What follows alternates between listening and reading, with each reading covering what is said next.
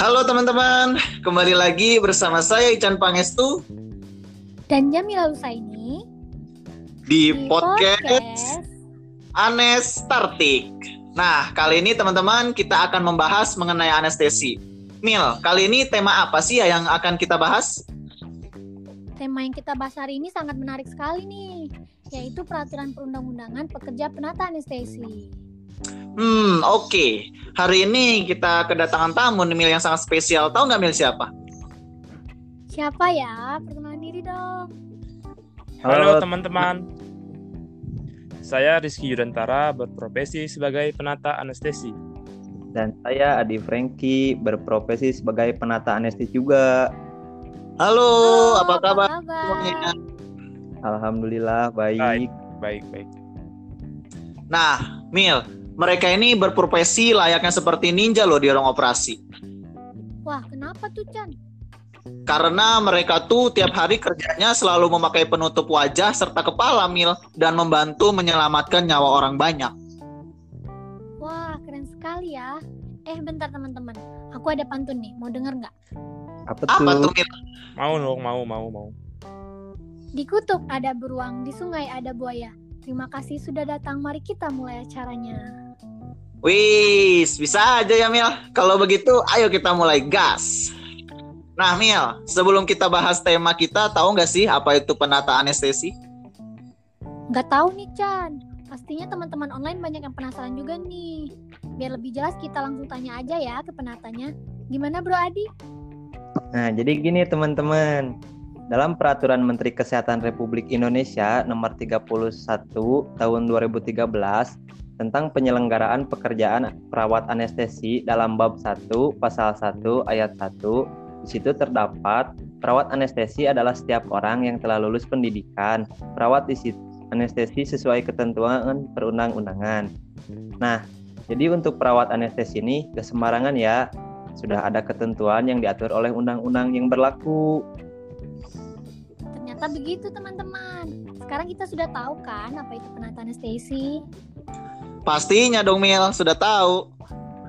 Oke, kalau begitu langsung saja ke selanjutnya aku mau nanya nih ke Rizky. Ya, Menurut gimana, kamu- gimana, gimana? Menurut kamu Ki, apakah peraturan yang ada itu sudah dipahami atau diketahui oleh halayak ramai?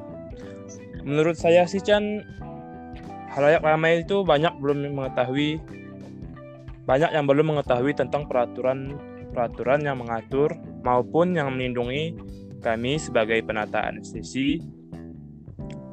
Sehingga akibat dari ketidak ketidaktahuan ini, banyak masyarakat yang tidak paham tentang peraturan apa yang kami miliki. Menurut Rizky nih, apakah peraturan yang cukup itu hanya dibuat saja ataukah perlu tersampaikan pada berbagai lapisan masyarakat Ki?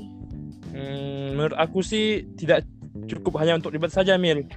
Peraturan perundang-undangan ini harusnya perlu disampaikan ke lapisan masyarakat luas. Minimal mereka mengetahui lah mengenai peraturan hak dan kewajiban kami sebagai penata anestesi serta hak dan kewajiban mereka sebagai pasien pada saat pelayanan. Sehingga hak serta kewajiban antara kami bisa terpenuhi agar tidak ada yang dirugikan. Begitu sih. Setuju sekali nih. Setidaknya mereka mengetahui peraturan perundang-undangan penata anestesi agar hak-hak dan kewajiban antara penata dengan pasien saat pemberian pelayanan terpenuhi. Nah, iya, Mil. Dan perlu diingat juga, Mil, berkaitan dengan pelayanan itu, seorang penata anestesi harus memiliki sertifikat kompetensi atau sertifikat profesi, ser- serta harus mempunyai pengakuan secara hukum berdasarkan Permenkes nomor 46 tahun 2013 dan dalam melakukan praktik pelayanannya juga harus berdasarkan Permenkes nomor 18 tahun 2016. Gitu sih, Mil. Oh, oke. Terima kasih atas pemaparannya ya, Bro Rizky. Nah, Ya, baik. selanjutnya untuk Bro Adi nih, menurut Anda bagaimana sih kita sebagai tenaga kesehatan bisa menyampaikan ke masyarakat luas? Nah, kalau untuk menyampaikan peraturan ini kepada masyarakat tuh mungkin salah satunya dengan podcast yang kita lakukan ini. Nah, selain itu bisa melalui sosial media karena sekarang hal-hal yang berbaur online itu sangat cepat tersampaikan, Berican. Oh, oke okay, oke. Okay. Makasih ya, Bro Adia. Ya.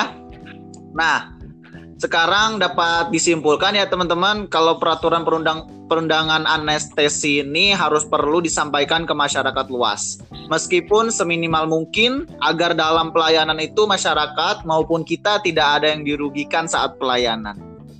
Nah, betul sekali tuh Chan. Karena memang sangat penting sekali peraturan ini harus disampaikan oleh halayak ramai atau masyarakat agar terciptanya pelayanan yang maksimal dan baik untuk masyarakat ke depannya. Wah, terima kasih Emil ya sudah memberi kesimpulannya juga.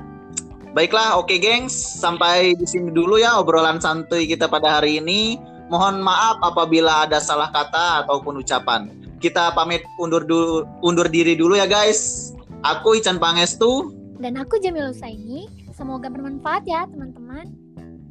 Assalamualaikum warahmatullahi wabarakatuh. Dadah. Bye. Waalaikumsalam. Bye.